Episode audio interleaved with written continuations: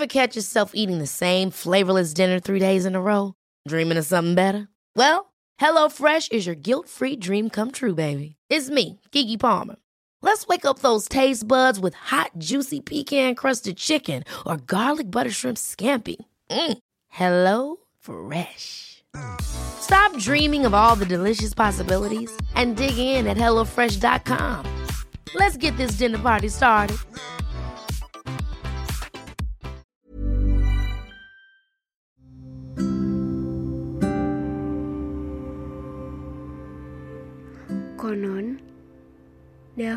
Kala di negeri Jepang, hiduplah seorang kesatria yang gagah berani bernama Hido.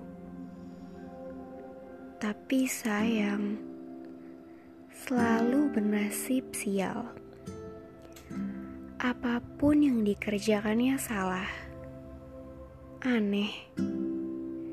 Padahal Hido selalu bertindak sesuai dengan apa yang diajarkan oleh gurunya.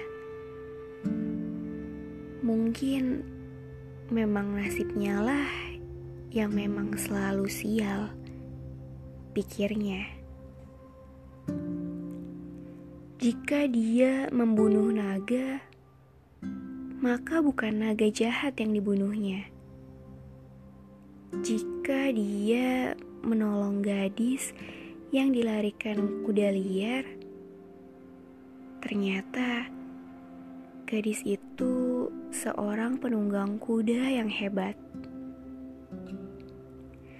Jika Hido diminta oleh seorang kepala kampung untuk mengusir segerombolan penyamun, ternyata pemimpin penyamun itu sahabatnya. Tentu saja dia tidak sanggup dan tidak ingin membunuh temannya. Akhirnya, kepala kampung itu mencari kesatria lain dan tidak jadi membayar hidup. Akhirnya, semua orang berpendapat bahwa tidak ada gunanya minta tolong pada hidup. Semua orang menutup pintu rumahnya saat hidup lewat. Oleh sebab itu, akhirnya hidup memutuskan untuk pergi ke negeri yang jauh di mana tidak ada seorang pun yang mengenalnya. Dia memutuskan harus memulai lagi dari nol. Hido membawa pedang samurai dan busur panjangnya. Dia berjalan dan terus berjalan tanpa henti. Akhirnya, sampai ke sebuah negeri yang belum pernah ia kunjungi. Terbentang danau yang luas di hadapannya. Namun, terdapat jembatan di situ.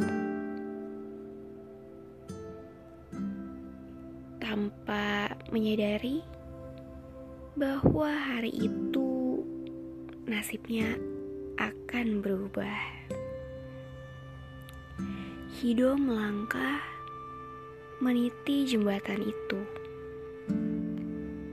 Ketika berada di tengah jembatan, Hido melihat seekor raksasa tidur melingkar. Mungkin Hido lagi-lagi sial Pikirnya Yang jelas Dia bukan penakut Meskipun ular itu besar sekali dan nafasnya menyemburkan api. Hidup melangkahinya dengan tenang. Tapi belum lagi dia jauh melangkah, dia mendengar suara orang yang memanggilnya. Hai kesatria. Oh, orang-orang di sini memelihara ular yang dapat berbicara. Pikirnya Hido sambil berpaling ke suara tersebut. Tetapi bukan ular yang dilihatnya. Hido justru melihat seorang lelaki tampan yang mengenakan jubah biru dengan mahkota di kepalanya. Mahkota emas. Anda memanggilku? Tanya Hido dengan sedikit keheranan. Iya, sahut orang itu. Andalah orang yang kami cari-cari. Lelaki berjubah biru itu kemudian menerangkan bahwa dirinya adalah Raja Danau yang tinggal di dalam istana kristal jauh di dasar danau. Selama ini mereka hidup dengan aman dan damai. Namun, akhir-akhir ini muncul seekor naga jahat yang selalu mengganggu ketentraman rakyatnya. Hmm, bila malam tiba, naga itu akan turun ke dasar danau, lalu menangkap dan memangsa siapa pun yang dapat ia mangsa. Mencari kesatria yang bersedia dan sanggup membinasakan naga itu. Ucap Raja Danau setelah bercerita. Kulihat engkau datang dari jauh. Aku tahu bahwa kau seorang kesatria samurai dilihat dari pedang panjang dan busur yang kau bawa itu. Kubah diriku menjadi ular, tapi kau tidak takut. Malah dengan tenang kau melangkahiku. Hmm. Kaulah kesatria yang kami tunggu-tunggu dari dulu. Pendengar pujian itu, Hido senang sekali. Apa yang harus kulakukan untuk Anda, Tuan? Tanyanya sambil membungkuk dalam-dalam. Raja Danau langsung memegang tangan hidup. Dituntunnya, pemuda itu masuk ke dasar danau. Ke istana kristal. Istana itu indah sekali. Kursi-kursinya dihias dengan permata. Makanan-makanan lezat terhidang di atas meja. Waktu tanpa disadari telah berlalu hingga tengah malam. Tiba-tiba terdengar raungan yang dahsyat,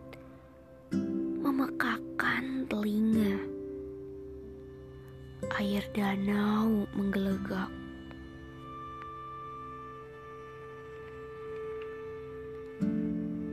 Hidu dengan cepat mengambil senjatanya dan segera berenang ke permukaan danau. Benar, di tepi danau, seperti yang dikatakan Raja Danau, berdirilah seekor naga raksasa yang nampak mengerikan.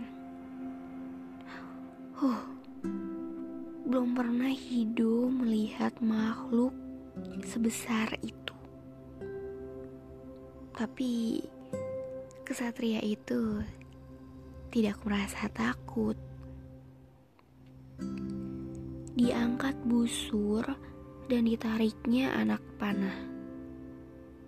Yang kemudian dilepaskan anak panah itu hingga melesat mengenai tubuh binatang raksasa itu. Tetapi anak panah itu tidak bisa menembus kulit naga yang keras dan licin. Anak panah hidup bagai rumput kering diterbangkan angin. Naga itu kemudian merasak maju Hidup tetap tegak berdiri di tempatnya. Anak panah kedua dilepaskan oleh hidup. Naga itu dengan mudah mengibaskannya, seperti mengibaskan seekor lalat. Panah hidup jatuh di atas tanah. Kemudian naga itu semakin mendekati hidup. Tepat pada saat yang kritis itu, ia teringat akan nasihat seorang kesatria tua. Anak panah harus dijilat ujungnya agar meluncur dengan baik. Hido mengambil anak panah ketiga ujungnya dijilat lebih dahulu. Dibidik dan dilepaskan dan tepat mengenai titik di antara kedua mata naga itu. Akhirnya, binatang raksasa mengerikan itu, naga itu menemui ajalnya. Raja Danau sangat gembira melihat keberhasilan hidup. Untuk membalas jasanya, Raja Danau menghadiahi hidup dengan harta yang berlimpah. Sejak saat itu, nasib hidup berubah. Ia tidak pernah sial lagi melainkan perjalanan hidupnya selalu baik.